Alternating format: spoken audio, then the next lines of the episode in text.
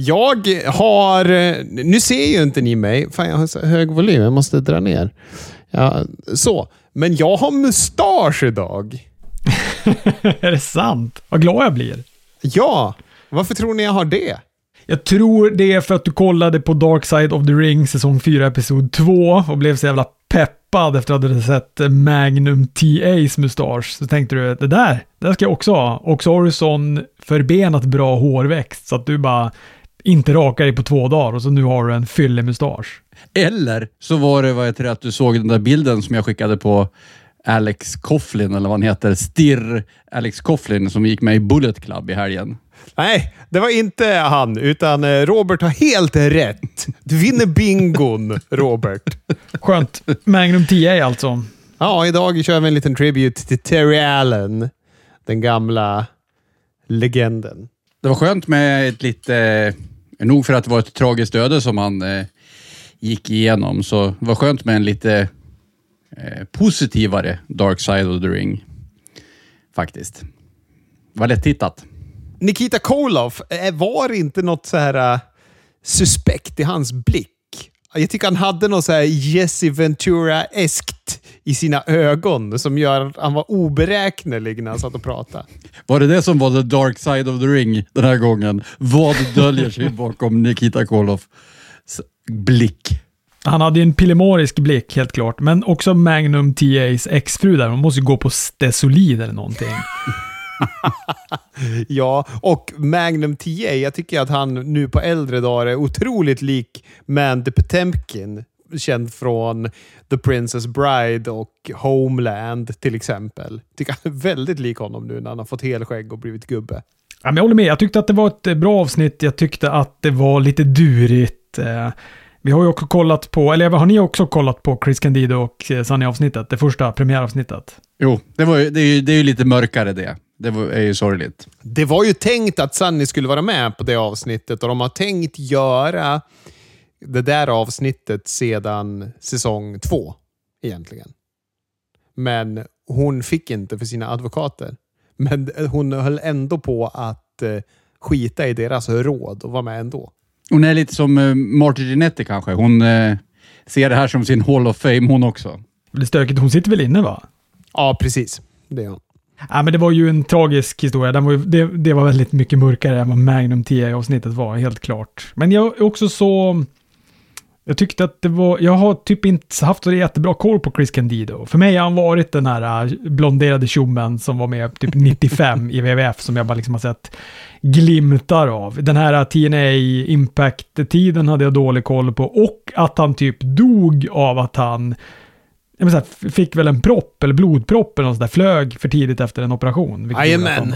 Det kommer jag ihåg när det skedde, men jag hade ingen liksom, relation till honom. För mig, jag, det känns som att jag hade mer relation till Magnum TA eftersom alla alltid har pratat om honom, vilken superstjärna han var. Chris Candido har varit sådär äh, lite i utkanten för mig. Du Chris har ju lyssnat på den här äh, Vince McMahon-podden. Jag kommer inte ens ihåg vad den hette. Någonting med Bastards va? Ja, Behind the Bastards. Och där framkom det ju en sån här skandal som inte jag har hört talas om. Jag vet inte om ni har hört talas om det, men att Pat Patterson fick sparken på 90-talets början på grund av pedofilianklagelser. Mm -hmm. Vince McMahon ringde runt och gjorde damage control och grät ut hos Sam Mushnick. Det var ju en av NWAs hotshots. Hans typ brorson eller liknande jobbade åt ja, nu kommer jag inte ihåg vilken tidning, någon av de större tidningarna i alla fall och var den som breakade det här. Och eh, då ringde Vince och grät ut hos honom och liksom eh, de var tre stycken som var anklagade för det här som groomade unga pojkar i WWE. Det var Pat Patterson och sen så var det två andra som var såna backstage-arbetare som tog in eh, typ hemlösa eh, snubbar i tonåren och Eh, Eh, gjorde oschyssta saker med dem för att de skulle få vara i närheten av wrestlingbranschen. Och då fick alla tre gå då, när det här var. Men eh, de visste om bakgrunden på en av de här tre när de anställde. Men de, Linda och Vince förklarade som att ja, men, det är synd om honom. Han tycker om wrestling så mycket så han måste ju få jobba han också. Så de var ju medvetna om vilka de anställde. Men sen så... Eh, Vince försvarade hela tiden Pat i hela det här, men de valde ändå att sparka honom. Sen tog de tillbaka honom efter några år. Liksom. Hur länge var han borta ifrån WWE? Jag kommer inte ihåg, och det framgick inte i det där. Jag har ju bara hört att det har varit liksom en hiatus han har tagit förut. Och det finns ju liksom... Det är inga spår av det här på Pat Pattersons Wikipedia, till exempel. Eh, och eh, det här Behind the Bastards, det, han som är programledare för det, han är ju han har ju noll koll på wrestling, men han bjuder in panelmänniskor och då är det ju sådana här som har sett under Attitude-eran och någon som har sett relativt mycket och alla de blir så här bara, va? Vad säger du? Han har ju varit supercentral och eh, med i alla dokumentärer. Han har ju alltid haft en stor roll backstage och på tv under Attitude-eran. Men eh, den här skandalen har de liksom sopat under mattan. Kanske våra lyssnare har hört det här eh, förut en massa, men jag har absolut inte gjort det. Det är Vince McMahon som sitter och suddar på Wikipedia varje dag när han vaknar. så bara, japp, har de, har de skrivit igen det? Han där och suddar. Ja, precis. Att det inte står på Wikipedia, det kan man ju hålla efter ganska lätt själv. Så, att, ja, gud. Så, så, det kanske inte betyder någonting. Men nu när du säger det där Chris, så vill jag minnas att jag har hört någonting liknande om Pat Patterson tidigare. Jag tror att det var min eh, gamla vapendragare Johannes Jensen som eh, berättade det där. Att ah, du vet Robert, Pat Patterson, det är en ful fisk. Han har hållit på med att antasta småpojkar och sånt där tidigare. Men, eh, men, eh, men det var länge sedan. Och som du säger, det är inte så att det det verkar inte vara något, vi, alltså något superkänt i alla fall. Nej, Nej, precis. Och snubben som eh, kom ut med det här, han eh, tog tyvärr livet av sig bara för något år sedan. Han var ju eh, såklart äldre då, men Eh, han hade ju gått med på att ta tillbaka anklagelserna efter att ha varit ensam utan sin advokat i ett rum med Vince och Linda McMahon. ja, det kan nog skrämma, skrämma vettet ur vem som helst. Det. Nej, nej, nej. Han, han fick ju pengar. Hans advokater de hade ju tyckt att det här är ju jätteallvarliga saker. Du ska ha minst 750 000 dollar, men Vince McMahon gav han typ 250 dollar och jobbet tillbaka. Hörni, jag har kollat på Dominion, får jag berätta lite? Ja! Jag har också lyssnat.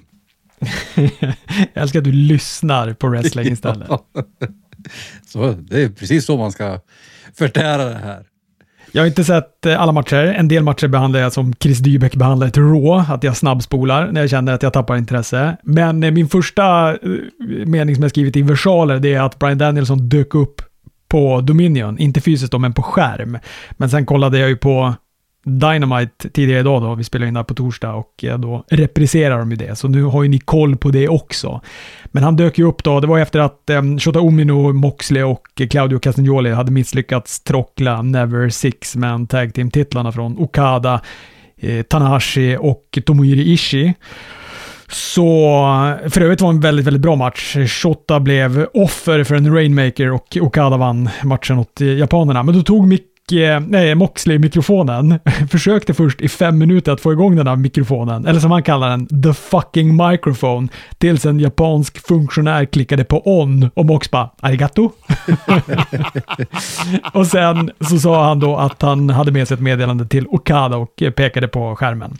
Och då dök han ju då upp Eh, sa att de senaste tio åren så har han då hört att Okada är den bästa, men att det är han som är lackmustestet. Du må vara the rainmaker, men när vi möts kommer det vara en öken och du kommer inte få det att regna. Det lät förändrat på engelska. Det är så P4-skadad att jag måste översätta allting. Men Okada mot eh, Brian Danielson på Forbidden Door, det kommer bli mumma. Ja, som sagt, det smakar ju jättegott, men man har ju eh, ändå sådär gått och längtat efter den här Brian Danielson mot Zack Sabre Jr. matchen i flera, flera år. Eh, och nu när båda är hela så kände man ju att det ska vara den. Men som sagt, man kan ju inte klaga över att det är Brian Danielson emot Okada såklart. Jag ser mer fram emot det än mot Zack Sabre Jr. Jag tycker att Okada-matcher är roligare än Zack Sabre Jr-matcher. Jag såg Zack Sabre Jr på Rampage väl? Det kan vara lite, lite tråkigt Nej. för min del. Jo, det kan det visst det. Nej, passa dig nu! Passa dig nu! Toppen! Men de, har ju, eh, de skulle ju kunna ha Okada emot eh, Takeshita också, för att det har de ju hintat lite grann om att eh, Takeshita anser att han är bättre än honom då, men eh, det kanske är dumt att, att låta Takeshita förlora, för att det skulle han ju göra om han mötte Okada. Men visst blev den helt klar? De, de skyltade på Dynamite om Danielson mot Okada. Precis, Danielson mot Okada är klar och även då Osprey mot Omega, som även den eh, blev klar på Dominion. Osprey vann ju mot... Lance Archer.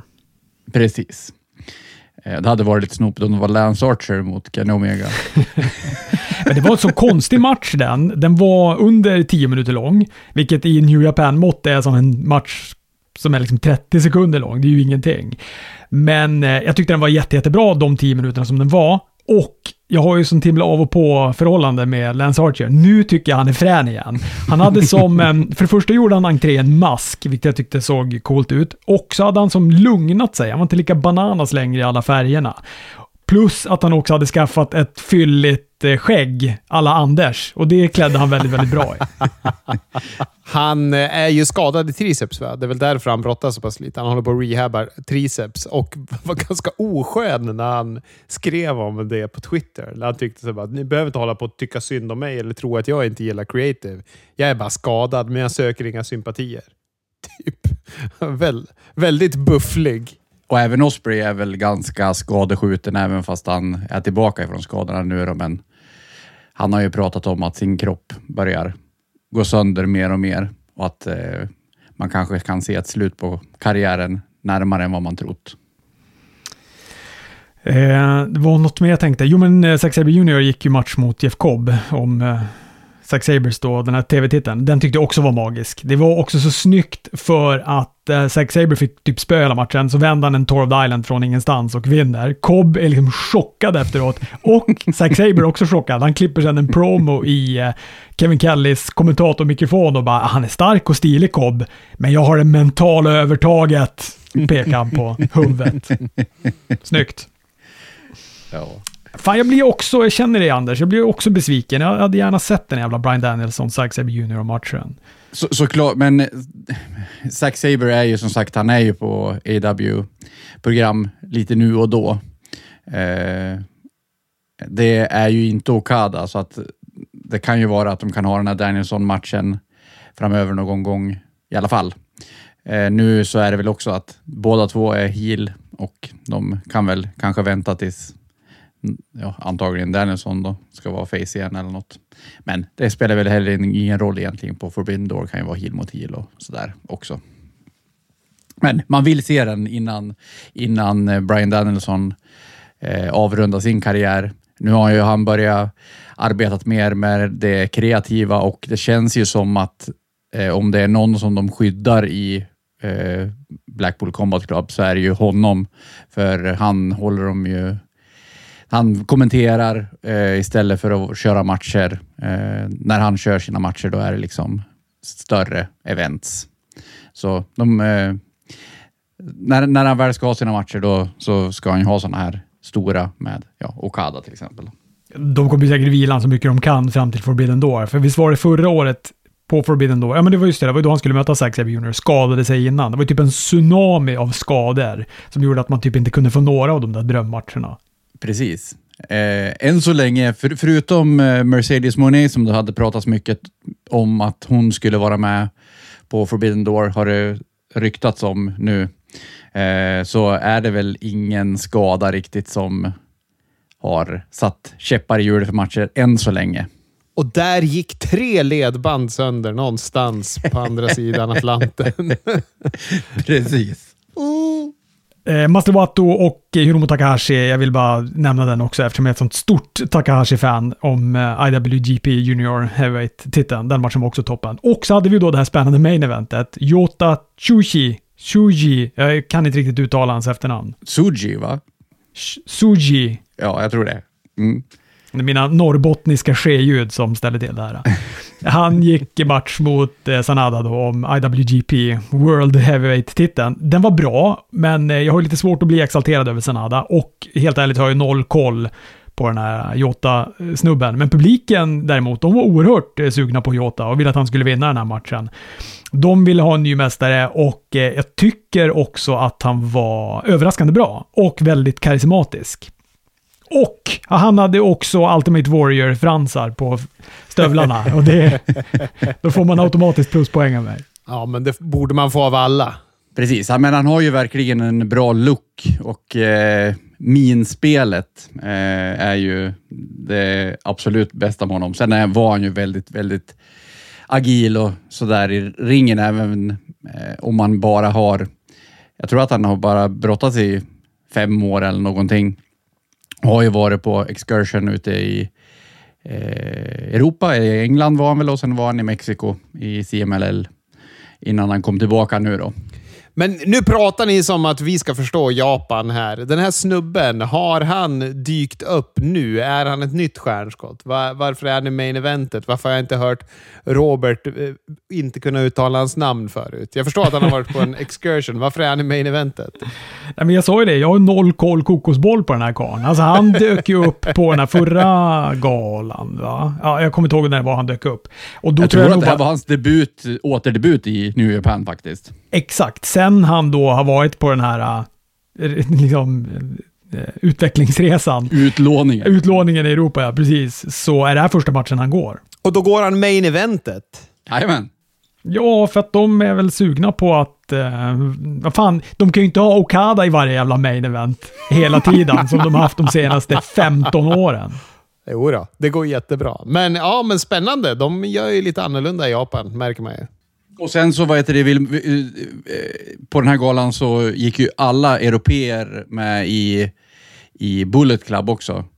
Eh, eller europeer, alla icke-japaner i alla fall. Eh, Zack Sabre Jr också, eller vadå? Nej, men vad heter det? Dan Maloney, Gabriel Kidd, den här Coughlin och ytterligare en person. Men inte The Mighty Don't Kneel? Nej, de, har, de är ju med Zack Sabre Jr. De. Jo, jo, precis. Jag räknade med honom där. Han är väl en av den faktionen? Ja, det stämmer. Han är det nu. Men ingen Ken Omega heller. Han eh, dök inte upp här, vilket betyder Kota Ibushi. är det så? Jajamän. Jag ska ju fortsätta förneka. Ingen Kota Ibushi.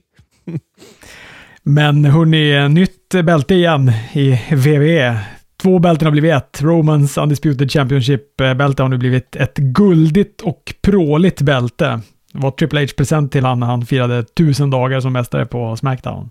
Alltså, nu har jag gjort det. Nu tvingade jag igår folk som inte tittar på wrestling och titta på hela sista segmentet på Smackdown. Nej, inte hela. Jag spolade fram till när Usos kom in och så pausade jag och så förklarade jag. Det här har pågått jättelänge, bla bla bla. Och sen så bara, titta nu. Så fick de sitta och titta och eh, jag vet inte om de njöt. Men jag fick senare på kvällen ett meddelande. What the fuck? Iron Sheik har dött. Då har de ju ändå varit och googlat lite wrestling. Så att jag känner att eh, Bloodline gjorde att något intresse dök upp där. Och det tål att sägas vad heter det, att eh, det stod ju till och med i Expressen om, eh, om att Aaron Sheik hade dött. Men, men eh, som sagt, det är ju magi eh, med Bloodline. Eh, man var lite orolig när eh, Sammy inte vann, men eh, det är ju helt klart rätt att Sammy inte vann. Nu känns det som att eh, de eh, behöver fortfarande bältet i det här också tycker jag. Och det kommer bli så himla magiskt. Eh, i, ja, det blir väl fram till WrestleMania nästa år som de bygger vidare på det här. ja, men jag tyckte också det var så snyggt att eh, bröderna Usos här och lyckades eh, prata över Solo till deras sida. Men att de också samtidigt försöker ändå limma ihop Bloodline, fast med respekt den här gången. Det är liksom någon tråkig politiskt korrekt variant av Bloodline som Usos vill ha. Töntar. Och eh, jag tyckte att det var så, man såg också hur besvärad Roman såg ut, men då var han ändå så här, ja ni är ganska många nu och jag står här ensam. Går in i kramen, men väl i kramen då bara, nej. Och sen så får han Solo att vända mot Usos, sätter en, Solo sätter en tumme i strupen på på Jimmy. Det är liksom Dallas deluxe, men det är så jäkla bra. Ja, men det är så bra också att det sista som sägs, det är att Paul Heyman frågar Roman, inte i vilken, utan så att kameran plockar upp det. Men vad ska vi göra med Jay nu då? Och att de går eh, offline, tänkte jag säga. Att de slutar liksom med det. Det är ju sånt här som AEW inte har. När det är att, åh, oh, nu vill jag ju se vad som kommer hända nästa gång. Det är ju här är det ju tv på riktigt, vilket jag tycker är fantastiskt. Min favoritdel i segmentet är ändå när Usos väl kommer in i ringen första gången de kliver in där, eller direkt när de kliver in och Roman bara vad heter det, adresserar Jay. Kick him in the face! Kick him in the face! Jag tycker det var jävla...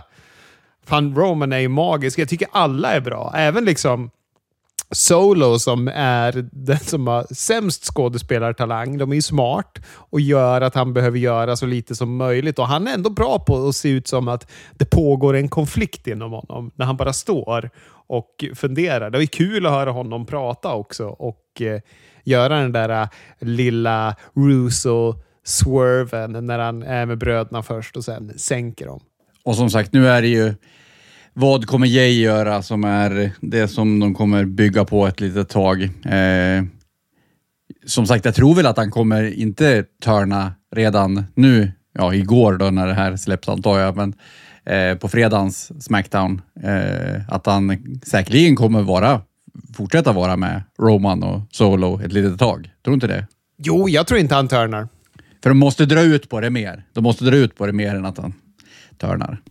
Ja, jag tror också att de kommer dra ut på det där. Det här kommer hålla på länge. Länge, länge, länge kommer det hålla på. Han ska ju ta Hulk Hogans rekord med de där titlarna. med den här titeln. Men vad tyckte ni om det nya bältet då? Ja, det enda jag kunde tänka på var ett, det ser lite ut som en klocka på grund av att det är helt guld. Två, vad tänker Robert? Som klockan man kan vinna i vårat tips. ja, exakt. exakt. Jag har den här någonstans. Det som sagt, jag tycker att det är lite väl pråligt på något sätt. Känns plastigt fast pråligt, men eh, det som... Det är det... ingenting jämfört med den här klockan Anders som man kan vinna. Den är plastig deluxe, vill jag tala om för dig. Men det som smärtar mig mest är ju att du Anders har sagt att du inte ens vill ha den här jävla klockan. Jag, så, jag blev så himla kränkt när du skrev det till mig. Ja, nej men det skulle vara roligt om det är någon av lyssnarna som får den såklart. Eh, men gällande bältet, så det som jag tycker är bäst är väl att de eh, slopar det röda och det blå bältet. Att eh, det blir kanske inte så där att ett bälte är fast med eh, som sagt, nu har det ju varit att det har varit fritt genom att eh, samma person har haft, samma, haft båda bältena. Men att ett bälte är fast vid en show, det tycker jag är väldigt bra att de släpper, för nu kan det bli att om de vill ha en draft i framtiden så behöver det inte vara så att ah, här, men här på Raw så har vi vårt Raw-bälte, utan eh, nu kan spelar det liksom ingen roll. Det behöver inte bli som med damdivisionen att de har ett rött Raw-bälte som mästare på Smackdown och ett blått Smackdown-bälte som mästare på Raw. Vad rörigt det var ändå när Aska höll på att prata om att hon var Raw-mästare när hon var på Smackdown. Jag tyckte det var jätterörigt. Ja, det är så dumt. Det är så dumt. Men det är något rött bälte, det har väl inte varit rött på länge där. Det var ju svart Nej, det. Eh, det ena och så var det blått det andra. Men jag gillade det. Jag tyckte också att det blev lite mer enhetligt. Det känns som att det här rimmar lite mer i designen. Alltså med guld och så svart logga, eller svartaktig logga då. Det rimmar lite mer med Seth Rollins eh, jävla skitbälte och med eh, interkontinentaltiteln. Så nu är det ju egentligen bara de där tag team-titlarna som de behöver smälta ihop till nya bälten. Ja, jag vet, såg någon intervju här med eh, Seth Rollins att de pratade om att de måste ju jobba på länge i liksom innan eh, det här nya World Heavyweight-bältet eh, ses som de andra bältena, världsmästarbältena runt om i världen. Så att de vad heter det, kämpa på med det, men jag känns som att de måste kämpa på ganska bra när de inleder galan på Night of Champions med att försvara det här bältet. Och sen nu så, eh, så, ska, det, så ska det vara på NXT och försvaras eh, om, om någon vecka eller så, när, när Bron Breaker har utmanat Seth Rollins. Så att det känns lite som att de måste höja upp det ganska bra är inte det att försöka positionera NXT som någonting större? Jag tänker att de försöker få det att vara lite som eh, NWA-bältet var förr i tiden. Att mästaren kommer till det andra territoriet och försvarar bältet. Liksom. Det viktiga är väl att han försvarar överallt. Liksom. Ja, jag kan ju tycka att det är ganska okej okay i tanken. Sen så tror jag de har högre tankar om vad NXT är nu kontra vad det en gång var. Jag tycker att det är en luddig logik det där med att så här, bältet måste försvaras si och så många gånger för att, det ska, för att det ska få status. Alltså för mig har inte ett bälte mer status för att du går en massa skitmatcher. Alltså för att Seth Rollins vinner över Braun Breaker. Det tycker inte jag upp toppar statusen på hans skitbälte. Utan det är ju liksom brottaren som gör bältet. Alltså Romans titlar är, känns ju helt oövervinneliga just mycket för att det är Roman och för att han aldrig försvarar dem. Eller för att han typ aldrig... Det, de är liksom... De går inte att nå de där titlarna. Tror ni att han, vad heter det, som sagt, nu gav han över bältena till eh, Paul Heyman där. Tror ni att de fortfarande kommer ha kvar dem så att de, så att de kommer ha tre bälten i, i Bloodline fortfarande? Nej, de kommer fasa ut dem nu. Det här var väl ett sätt att eh, göra så det blir mer enhetligt. Nu håller de väl på att göra om den grafiska designen. Men hörni, LA Knight, nu lossnar det. Han vann Money in the Bank kvalificeringsmatchen över Montes Ford här på Smackdown. Till publikens stora förtjusning och min stora förvåning. Ja men gud, han är superöver och nu sa de det ju på... Nu sa ju Wade Barrett också, påpekade att han börjar bli superpopulär bland publiken. Och eh, det är skönt att de kan kurskorrigera för en gångs skull. De försökte ju pipa in burop, men de verkar ju ha gett upp det nu då. Men LA Knight känns också som en sån brottare som de skulle kunna tänka ge Money the Bank-vinsten till. Ja, gud ja. Jag tror att han kan vinna den. Absolut.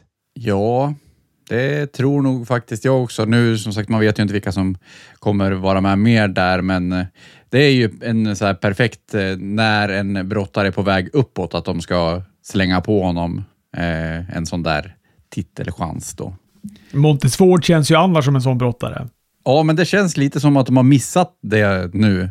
Han eh, var på gång för några månader sedan. De måste bygga upp det där igen. Tycker det var intressant att Wade Barrett påpekade att det är många som vill att Street Profits ska splittras. Det sa han ju också under den här matchen. Att det är många fans som uttalar sig som att de vill se Montes Ford eh, få bli en eh, liksom singelbrottare och att den tiden kommer komma. Det var väl också några månader sedan som det kändes som att det var hett, men Jo, jo, men jag menar att han påpekade att de inte skyr undan från det. Det är också en sån här sak som de inte är generellt kända för att göra. Liksom håsa upp en, en, en enskild brottare i tag team på det här viset. Tåget gick och Björn Skifs stod platsen. Precis.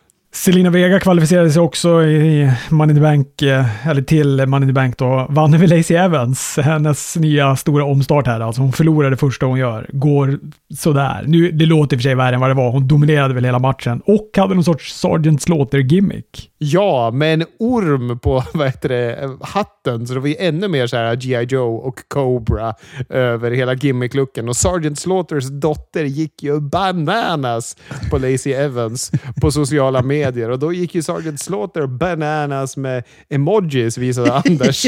ja, det, var det, det var ju det sjukaste, hela det där. Hans emoji-fyllda tweet som han skickade till Lacey Evans. Jag, aldrig, jag vet inte hur gammal Sergeant Slaughter är, om han är 80 år eller någonting nu. Eh, har aldrig sett en 80-åring använda sådär många emojis. Nästan som man misstänker att det inte var han som skrev den där tweeten.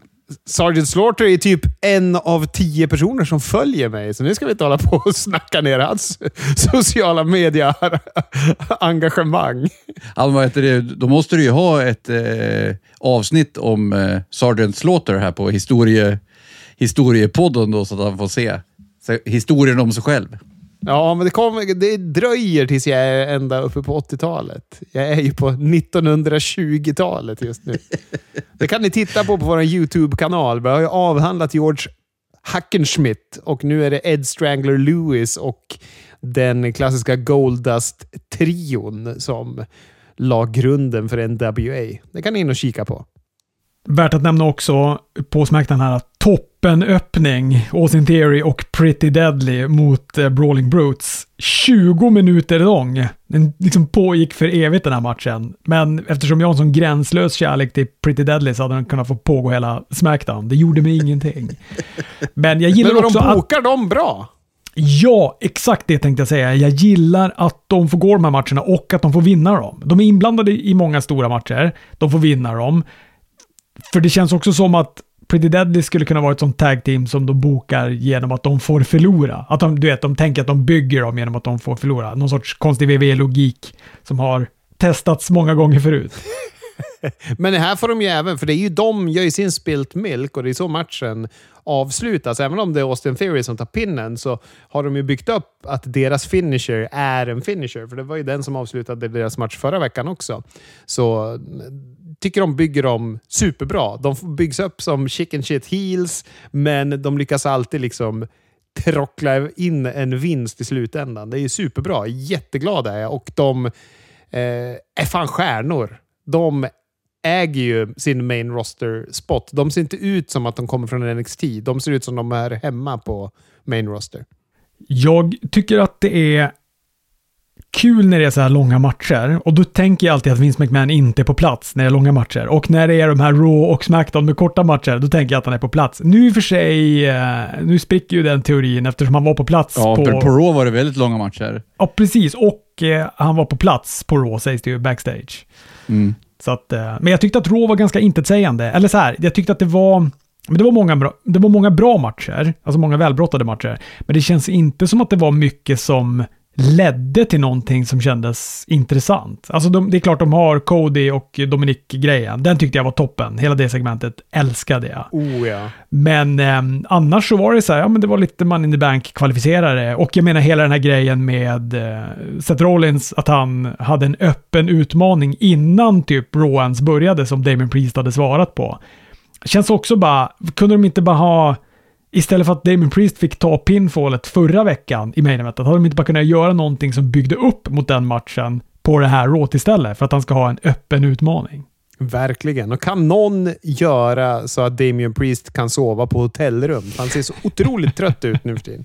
Ja, men det här eh, är jag lite nervös över eh, med eh, Damien Priest. Att Damien Priest håller ju tydligen på här nu med eh, någon slags face turn genom att han eh, klagar över att eh, Finn Balor var där och hjälpte till och han skulle klara sig själv och sådär utan Judgment Day. Och eh, även att det är liksom eh, Dominic och Rhea, de är ju lite för stor för att vara med eh, Damien och Finn nu. Så att det känns som att hela Judgment Day håller på att splittras och eh, det är ju ändå, liksom förutom Bloodline så är ju Judgment Day har ju varit guldet i eh, WWE på slutet här, känner jag. Eh, Så jag, eh, det är ju lite ont att de håller på och splittrar upp dem nu. Men jag vet inte om jag... Alltså, ja, absolut, här kände man ju lite eftersom han var så himla noga med att Finn Balor inte skulle lägga sig i och självklart så dök ju ändå Finn Balor upp där i main event-matchen. Och att man såg att han var besvärad av, av det då, Damien Priest. Det var väl det då som kanske skulle Mm. Kännas som att det fanns någon typ av face-vändning i horisonten för honom. Men eh, du har ju å andra sidan surrat om att Ilja Dragunov kanske är på väg in till eh, Judgment Day. Så att byta ut Damien Priest mot Ilja Dragunov, det blir ju toppen. Ja, fast han ska ju in i Imperium. Imperium ska ju han in Ja, det i. Imperium Ja. var det till. Ja, just det. Just det.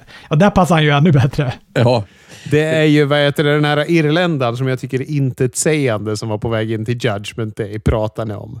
Håll han borta. ja, just det. Det är ju JD McDonough, ja precis. Har jag ju. Judge, judgment. Han var bortklippt. Om han var med på Raw så var han bortklippt deluxe på YouTube. han var inte med på den eh, långa heller. Så att, eh, han, han kan man vara lite orolig över i allmänhet. Men eh, nog kan det väl bli så att de byter ut eh, Damien Priest mot honom. Eh, men eh, jag tror fortfarande att de vill inte riktigt ha Damien, eh, nej, eh, Dominic med Judgment Day längre. De vill ha Dominic och Ria som liksom separata, eh, ensamma från de där. Det är så jävla bra. Alltså det är så fruktansvärt bra. När de, och så att det som vanligt Dominik bara möts av en vägg av burop när han försöker prata. Och jag tyckte att Cody var väldigt bra här också. Han var ju väldigt syrlig mot Dominik. Pratade om att det måste vara tufft att sitta i fängelse i hela 15 minuter och att han hade skaffat en värre fängelsetatuering än han själv. och så gillar jag också att de, de hoppar på honom sådär äh, bakifrån när han vänder sig om. Det, det klär honom och att han sen då springer och gömmer sig bakom Rhea Ripley när Cody går efter honom. Ja, det är grymt. Han är perfekt, Dominik. Perfekt är han. Och jag menar så här, det är klart att det är inte, Dominik har ju kanske inget, det är inga pangmatcher man har sett med honom. Men eh, det är ändå någonting som lockar med en match mellan Dominik och Cody. I mig i alla fall. Ja, men vad fan, hur många dåliga brottare har vi inte sett göra underhållande matcher? Och, och Dominic är ju inte en dålig brottare på det sättet som Lex Luger var till exempel. Men han kanske liksom växer in ännu mer i den här heel-mes-rollen om han får gå bra, långa singelmatcher. Han har inte gjort så mycket sånt. Han är ju mest liksom den som står utanför ringen och går lite tagmatcher. Liksom. Vi kan ju ta ett litet sidospår där eh, med en person som har gått bort här i veckan som levde ganska mycket på sin hit och inte kanske lika mycket på sin brottning eh, i Iron Sheik. Men du, han var ju en fantastisk brottare när han var ung. Inte på den tiden då man kanske såg honom på eh, på ja, 90-talet och så vidare. Men han eh, kom ju till Amerika som eh, en riktig amatörbrottare. Var han inte på OS till och med? Han var ju livvakt åt shahen av Iran. Och eh, eller det kanske var hans polare som var livvakt åt shahen. Han var någon form av livvakt i alla fall. Sen så kom han ju till USA och hade gimmick där han bara var en, ja, men en typ Kurt Angle-brottare. Var ju good guy, hade hår och vad heter det, skulle vara en all American fast han var från Iran då och brottades. Tyckte det var jättetråkigt att ingen eh, tyckte att han var speciellt spännande. Sen så fick han ju för sig att eh, det var dags att göra något annat. Det var det ju Vern Gagnes fru som gav honom namnet The Iron Sheik. Du borde vara The Iron Sheik. Och då rakade han i huvudet, skaffade den där mustaschen och sina snabelskor. Mm. Utan honom hade vi inte haft en Hulkamania. Fan, det krävdes ju Iron Sheik för att sätta igång det. Men som sagt, han levde ju ganska, på slutet i alla fall, så levde han ju ganska mycket på sin hetta. Mer än vad han levde på sin brottning. Men som sagt, han är ju en karaktär utan dess like och eh, som sagt, när Expressen skriver honom, om honom så då, då är det ju stort. Jag sitter boll i käften för att jag har noll relation. Alltså jag kan verkligen ingenting om honom. Han är bara ett namn för mig. Det är, jag, har typ inte, jag har aldrig sett någonting med honom eller något sånt där. Jo, du har ju sett honom i Gimmick Battle Royal när de var tvungna att calla en audible och bara nej, Sheik måste vinna det för han kommer inte kunna bumpa ut ur ringen. Så då fick de ändra det så att han fick vinna. Det tycker jag är jättehärligt. Jag kommer inte ens ihåg vem det var han kastade ut. Var det Sergeant Slaughter i slutet eller något sånt där? Det var liksom så upplagt för att Sergeant Slaughter skulle vinna den där. Så man bara, vänta, vann Iron Sheik det här? Ja. Och det roliga är han, vad heter det, för Iron Sheik, han hade ju svårt med Kayfabe. Det var ju mycket liksom på riktigt för honom. Han och Bret Hart, de har ungefär samma inställning, eller hade samma inställning till wrestling. Så han var ju jättestolt och glad över att han vann den där Gimmick Battle Royal också. Det betyder jättemycket för honom. Vilket jag tycker också är charmigt på något vis. Han var också väldigt charmig på Twitter. Han var, var ju väldigt, väldigt högljudd i sitt av, sin avsky mot Hulk Hogan hela tiden. Men han hade ju faktiskt ett sociala mediateam, för de skrev ju ut nu när han gick bort. Vilket är lite synd, för jag hade ju hoppats att det var han som bara så random på en tisdag skriver “Fuck you Hulk Hogan, I will humble you”. det var ju, jag såg den där ani dokumentären om Kik. Och då är ju alla de där som han säger att han ska hambla och, och bryta ryggen på och göra alla andra osmakligheter med. De är ju med i intervjun och pratar jättegott om honom. Vad heter Jim Brunzell och Hogan är med och, och så vidare. En väldigt bra dokumentär var det. Tycker att eh, det fick mig att vilja ha sett mer med Iron Sheik på den tiden då han inte var liksom en tjock strongman, utan när han faktiskt kunde brottas. Nu håsar jag upp hans brottning väldigt mycket. Han var ju ingen Shawn Michaels, men han kunde ju brottas amatörbrottning i alla fall. Värt att nämna också Gunter mot Kevin Owens pangmatch på Raw. Det kan gott påpekas, tycker jag, i den här podden. Det, det upplägget finns ju i och för sig också mot Imperium. Och det tuffar ju på. Kevin Owens håller på att bygga upp sig och blir mer och mer... Eh, får kortare och kortare temperament, så snart kommer han törna emot Sami Zayn igen. Ja. Oh, gud, tråkigt det känns. Man har sett det så många gånger.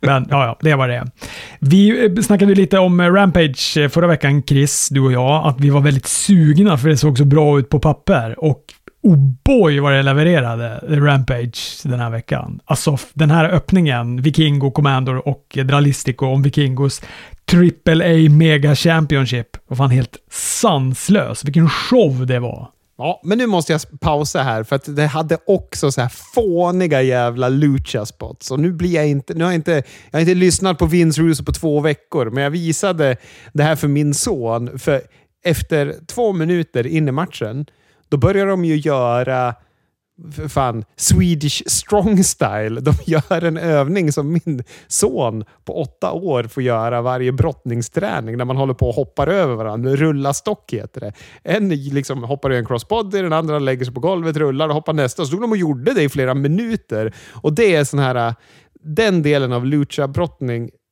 Jag tycker att det blir lite cirkusskott över det hela. Det finns inget, alltså det förtar mig. Sen så tog sig matchen tycker jag, men just när det är för mycket lucha libre, då blir det stökigt. De skulle behövt en amerikan in i matchen tror jag.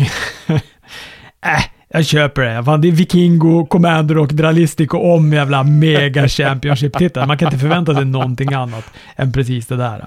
Nej, men vad heter det som sagt, det var ju fyra spek... Alla matcher på det här Rampaget var ju spektakulära på sitt sätt.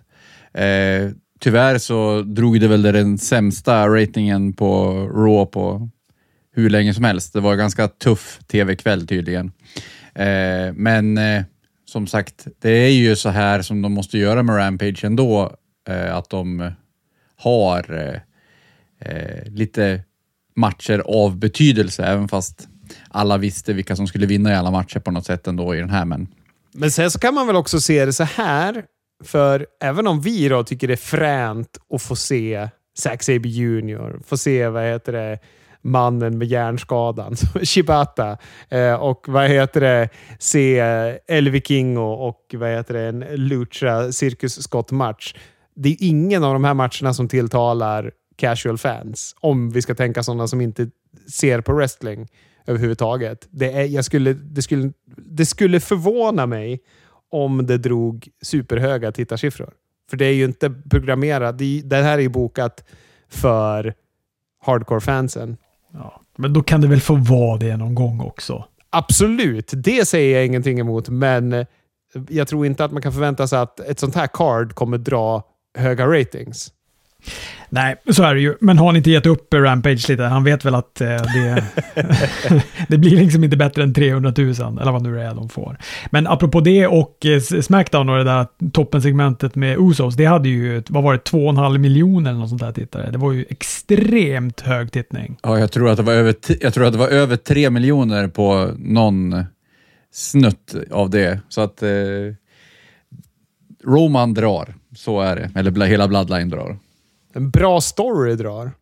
Något som inte är en bra story, det är ju det här med att Aubrey Edwards ska brottas. Alltså, jag vet ja, fasen vad de håller på med här. Men kom, kommer hon brottas? Alltså... Det är klart hon kommer brottas. Ja, men det, de bullar väl upp för att hon och eh, Mark Briscoe ska gå en match med, mot Jeff Jarrett och Karen Jarrett. Alltså bara, bara säga det där. Kära värld. Nej, fy fan. Alltså jag fattar, hon är ju över och allt sånt där. Men hon ska ju vara en profilerad domare. Bara för att hon är över så kan de inte börja använda henne i matcher. Det känns... Eh, det känns dåligt. Kommer ju slå cirkusskott i ratings. Något jävligt. Men eh, kommer hon slå en gitarr i huvudet på Karen Jarrett? Det är det som är hela allt som hon kommer göra kanske då, eller? Oh, det känns ju jobbigt. överhuvudtaget. Det där. Ja, jag tycker att det är menlöst med eh, just den delen. Och, ja, jag vet inte vad, vad Mark Briscoe, han är också lite sådär udda i det där upplägget kanske. Vad, vad har han för relation till Aubrey Edwards? Varför blir han så upprörd över att de slår henne liksom? Ja, han var domare i den där matchen. Han behöver ju inte vara så att han har någon slags domarhjärta helt plötsligt. Jo, han gick ju med i fackförbundet nu efter den där matchen. Ja. Jag tänker mig att han ska vara irriterad på Aubrey Edwards för att hon försökte steal his thunder Precis. när hon kom in där och skulle vara vikarierande domare helt plötsligt. Det kanske är han som drar en gitarr i huvudet på Aubrey Edwards. Det är så det slutar. Och då är det ju bäst. Då, då är allt förlåtet med den här konstiga storylinen. Ja, jag vet inte, jag har i och för sig dömt ut Jeff Jarrett tidigare och det har jag ju fått äta upp, men jag känner mig ändå skeptisk till det här. Ja. Någonting annat som ni pratade om vad heter det, eh, var ju att eh, ni trodde att Swerve skulle klå eh, Orange Cassidy. Och det gjorde han ju inte. Nej, men nog trodde man det några gånger under matchen ändå. Ja, det var ju helt sjukt vad de eh, vred och vände på en i den där matchen. Man trodde många gånger att den var över, men den fortsatte länge och den var riktigt bra. Jag tycker det var en toppenmatch, jag tycker det var toppen publik. Det enda som inte var toppen var att han inte fick vinna Swerve. Alltså, det är i och för sig, de kanske vill lossa den där titeln från Cassidys media på, ett, på någon gala, men eh, Swerve är värd att ta den. Oh ja. tror väl, eh, som sagt, den här, det här är ju inte över än. Eh, jag tror ju inte att det kommer vara slutet heller när de har den här fourwayen nästa vecka, utan jag tror ju att det kommer vara Swerve som tar den fortfarande. Eh, men man vet aldrig. Swerve har ju fejdat med Keith Lee i tusen år utan att det har blivit något avslut på den också. Han verkar ju slut nu. Keith Lee är ju helt borta. Och nu skulle han vara med igen. Jag måste ju få nämna Orange Cassidy i eh, AEW Fight Forever, tv-spelet. Det kommer ju här om eh, ett par veckor. Äntligen då. Jag har en kompis som inte alls är intresserad av wrestling som köpte senaste WWE-spelet och via det så har han börjat fråga en massa om wrestling nu. Är superintresserad och börjar vad heter det, fundera på om han ska börja kolla och så vidare. Så en bra gateway-drog tydligen tv-spelen. Men i AEW Fight Forever så blev jag faktiskt lite så här sugen när de gick igenom att de har väldigt speciella movesets, vissa brottare. Som när man spelar Orange Cassidy så kan man flicka till den högra styrspaken och då stoppar han händerna i fickan och eh, får helt andra moves. Och man kan göra de långsamma sparkarna och hålla på. Och alla brottare kan dodga, förutom MJF, som bara kan sätta sig på knä och vet du, så här, beg off och bara nej, nej, nej, slå mig inte. Men då får han istället en supersnabb attack om de kommer i närheten. Och tydligen så skulle väl MJF prata en massa i ringen som han gör också på det där spelet. Jaså? Ja, jag hade för mig jag såg det på något litet klipp. Tycker det verkar toppen det där spelet. Jag har noll konsoler, men jag blir sugen på att köpa en bara för att jag vill spela det där spelet. Ja, det ska bli superspännande. Jag måste ju köpa och recensera. Och Eddie Kingston ser bättre ut också nu. Ja, Eddie Kingston såg bedrövlig ut på någon screenshot han la upp. Och Cody Rhodes är med. Jag tycker att det är många som håller på att klistra in bilder på det där och, och visa hur bedrövligt allt ser ut. Men är inte det själva grejen med spelet? Är inte det gimmicken med spelet? Jo, det ska ju se ut som de gamla. Mm. Exakt. Åter till Dynamite. Jag tycker att öppningsmatchen var toppen. Jag tycker också att Hook och Jack Perry mot Preston Vance och Dralistico, Tornado tag till matchen där var magnifik. Jag älskade den. Preston Vance blodbad igen. Han har ju liksom samma tunna hud som Dustin Rhodes har. Älskar det. Har han inte bara lite långa blades? Det känns som att någon måste coacha honom i hur han ska skära sig själv. För det kommer ju sådär mörkt blod. Du behöver inte karva så mycket Preston Vance. Ja, exakt. Nej, men jag, tyckte det var, jag tyckte det var en bra match. Jag tyckte också att Hook fick eh, lite utrymme här. Det är bra. Ja, jag håller med. Det, det kändes som att han var bäst för både Preston Vance och Hook. Jag tycker att det liksom var de som behövde matchen på något sätt.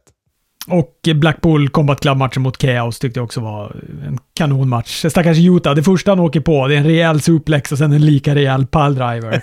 Det är alltså... nacken kan inte ha mått bra av de där första fem minuterna i den matchen. Men de bygger upp honom snyggt eh, tycker jag. De eh, pratade ju mycket om att han hade varit polare med eh, eh, Best Friends tidigare. Eh, och eh, nu så kunde han inte sluta armbåga Rocky Romero var det som han, eller vem var det som han eh, spöade upp på slutet där han bara fortsatte armbåga hela halva kvällen. Det känns som Chuck Taylor, men jag kan komma ihåg fel. Ja, men det kanske det var. Ja, han är ju best friend han i och för sig. Det var dumt att han skulle ges på Rocky Romero, men jag tror att det är Rocky Romero som har tränat eller någonting. Eller var det Jack det också kanske? Skitsamma. Men det är kul också att de inte sparar på krutet. Jag menar nästa vecka får vi den här Blackpool Combat Club mot uh, Hung Bucks. Och vi får också Adam Cole mot MJF. Nu inte en världsmästartitelmatch, men en, vad kallade de den? Världsmästarelimineringsmatch. Han får en titelmatch om han vinner va? Mm. Oj, oj, oj vad MJF såg ut som en midcarder helt plötsligt på micken. Tycker jag. Det här är ju, vad heter det, sen eh, så här, jag tycker att när MJF hade sina verbala dueller med CM Punk så riffade de av varandra så att de kände som att de var ungefär på samma nivå. Kanske att Punk var lite vassare, men det, det, liksom, då kändes också MJF vass. Här var det ju som att Adam Cole, för de har ju en promo i ringen mot varandra, och Adam Cole käkar ju upp MJF och spottar ut honom Det är helt eh, magiskt av Adam Cole tycker jag. Nej, men han gick eh, till MJF-nivåer också, vad heter det, säga att MJF gick på anabola ja, just det. Jag frågade om de skulle pissa en kopp, kolla vilket som var renast. Nej, men jag, jag, jag håller inte riktigt med dig Chris här. Jag tyckte att det här var ett jättebra segment och jag tycker att båda var bra. Jag tycker också att MJF, alltså jag blev ändå glad för att det kändes som att MJF inte var som MJF brukar vara, att han du vet tar till alla jävla medel. Nu kändes det som att det ändå var lite genomtänkta gliringar. Jag skrattade när han kallade Adam Cole för Gollum, för han ser fan ut som Gollum stundtals. Och eh, ja, men du vet, han nämnde Keith Lees manager, pratade om att han skulle klippa håret och kallas Budge också möjligen. Du hatar ju när de kör callbacks i WWE. Att, och just att MJF gör det hela tiden. Nu gör han ju det igen. Ja, men det har ju blivit MJFs gimmick att han är, du vet, så här, great guy om Vince McMahon. Alla vet att Vince McMahon är liksom, nu om någon, nu, nu om någon gång vet man att Vince McMahon är liksom det största aset som vandrar på den här jorden. Nästan. Och, och då klär det, tycker jag, MJF att han är så här, uh, nice guy. Det är liksom hans killar det där. Han skiter i det. Han, han präglas inte av dålig moral. Ja, jag tyckte det var som att MJF stod och jabbade och tyckte att han hade matchen under kontroll och att fy fan vad jag är duktig på micken. Och sen så tog Adam Cole micken och det blev kombination efter kombination. Och just hur han levererade det på ett sånt självsäkert sätt. Det bästa jag tycker MGF gjorde, det var när han förvandlades till Ric Flair cirka 1989 när han stod och skrek och utmanade han i slutet. För då kändes det som att det på något sätt var äkta och det gillade jag.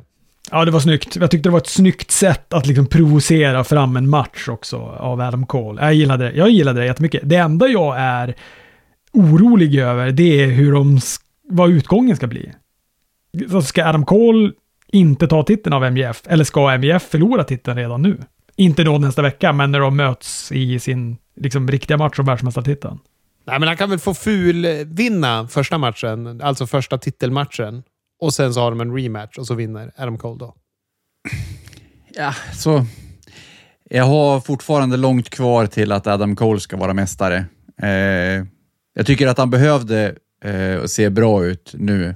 Och jag tycker, som sagt, jag tycker inte att han har övertygat sedan han ja, kom tillbaka från skadan igen. Eh, det känns lite som att eh, Tony Khan vill så mycket att Adam Cole ska vara mästare så för mig så... Det är det jag tror.